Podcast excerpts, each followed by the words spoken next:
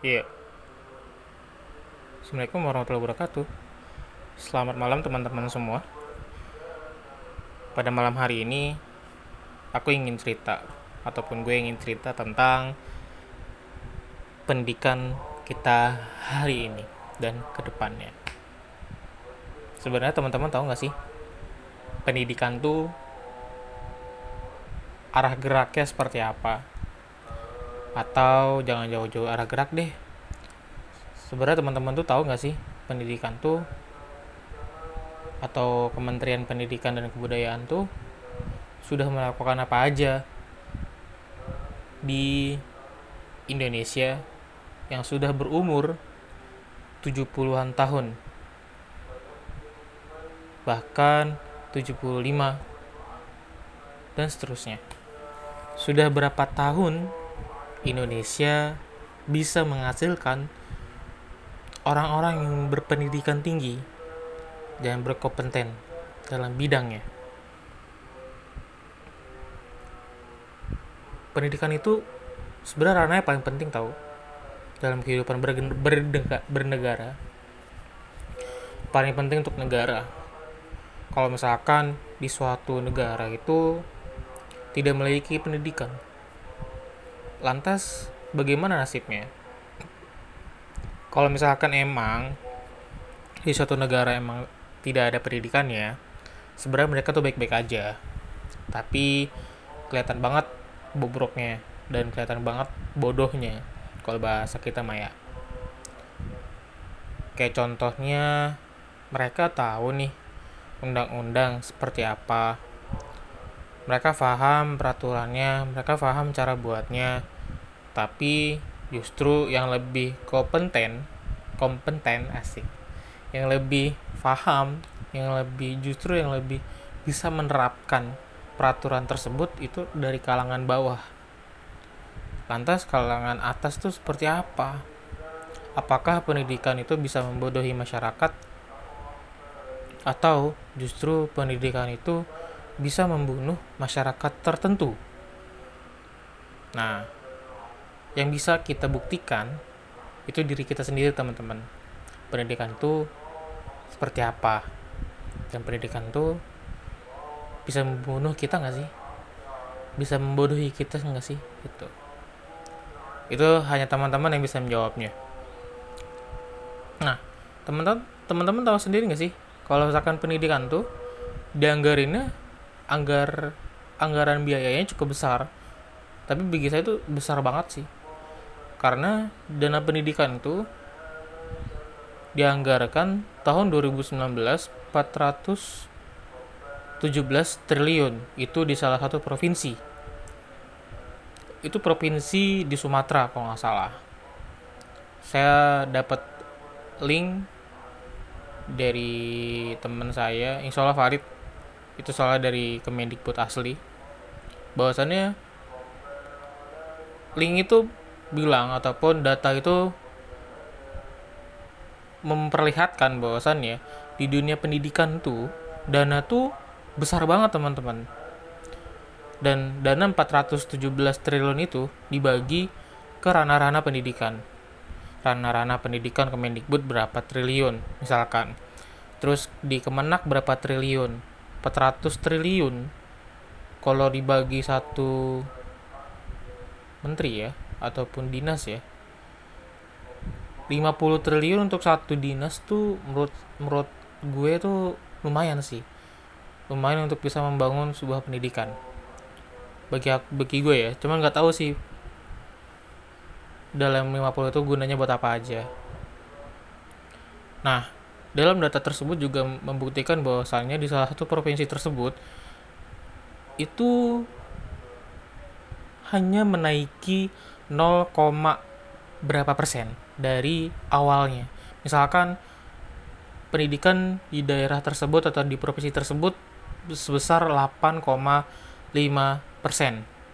Nah, ketika dianggarkan itu justru lebih sedikit naiknya, tidak signifikan, tidak langsung melambung tinggi, justru lelet kerjanya. Eh bukan lelet kerjanya, lelet naiknya. Jadi naiknya itu cuma 8, 50% itu kan jauh dari yang diharapkan oleh uh, pendidik-pendidikan lain. Nah, ini menjadi suatu PR dan menjadi suatu konsentrasi di mana bahwasannya kementerian saat ini itu tidak berkompeten dalam bidang kinerjanya. Apalagi di pemerintah di pemerintahan baik wali kota, gubernur, bupati, presiden sekalipun harus menyoroti dunia pendidikan. Karena dunia pendidikan urgensi banget. Kenapa bisa urgensi? Karena dunia pendidikan itu bisa membedakan mana yang baik, mana enggak. Dunia pendidikan itu bisa membedakan mana yang benar-benar penjahat, mana yang benar-benar membela rakyatnya. Itu sih teman-teman. Itu data dari tahun 2019. Berarti ada yang nggak berkompeten di sini. Siapa? Kementerian Pendidikannya kah? Atau gubernur-gubernurnya kah? Atau wali kota-wali kotanya kah? Kalau misalkan kita menyoroti dunia pendidikan, berarti Kementerian Pendidikan dan Kebudayaan menjadi sorotan. Bagaimana dunia pendidikan yang ada di Indonesia saat ini, tapi kok tidak berkembang pesat, justru malah berkembangnya lelet, cukup lelet gitu. Dari mulai kebijakan-kebijakan kementeriannya yang tidak eh, siap dalam menampung hal menampung segalanya ataupun kebijakannya hanya berjalan ke segelintir orang doang, tidak seluruhnya. Contohnya di tenaga penggerak. Yang saya dapatkan berita tenaga penggerak itu bahwasannya hanya orang-orang yang memiliki kuota, hanya orang-orang yang guru-guru muda Lantas ini berarti menjadi PR lagi nih buat buat pemerintah daerah untuk memberitahukan informasi seperti itu. Bagaimana guru-guru yang tidak ber, bukan tidak berkompetensi, maaf, sorry. Bagaimana guru-guru yang tidak memiliki informasi seperti itu? Mereka hanya bisa untuk kalau tenaga, ayo gue jabanin bahasa begitu ya. Gitu teman-teman ini kebijakan-kebijakan kebijakan-kebijakan Mas Menteri perlu kita sorotin sebenarnya dan perlu menjadi PR bagi teman-teman mahasiswa yang dasar tuh lembaga pendidikan LPTK lembaga keguruan kayak WNJ, WNS, WNP itu bener-bener kampus pendidikan perlu menyoroti hal ini. Nah, kenapa perlu? Karena ini cukup aneh sih. Cukup aneh. Mas Menteri hanya ingin bertemu dengan orang-orang yang mempunyai prestasi kayak pres, duta, lalu influencer.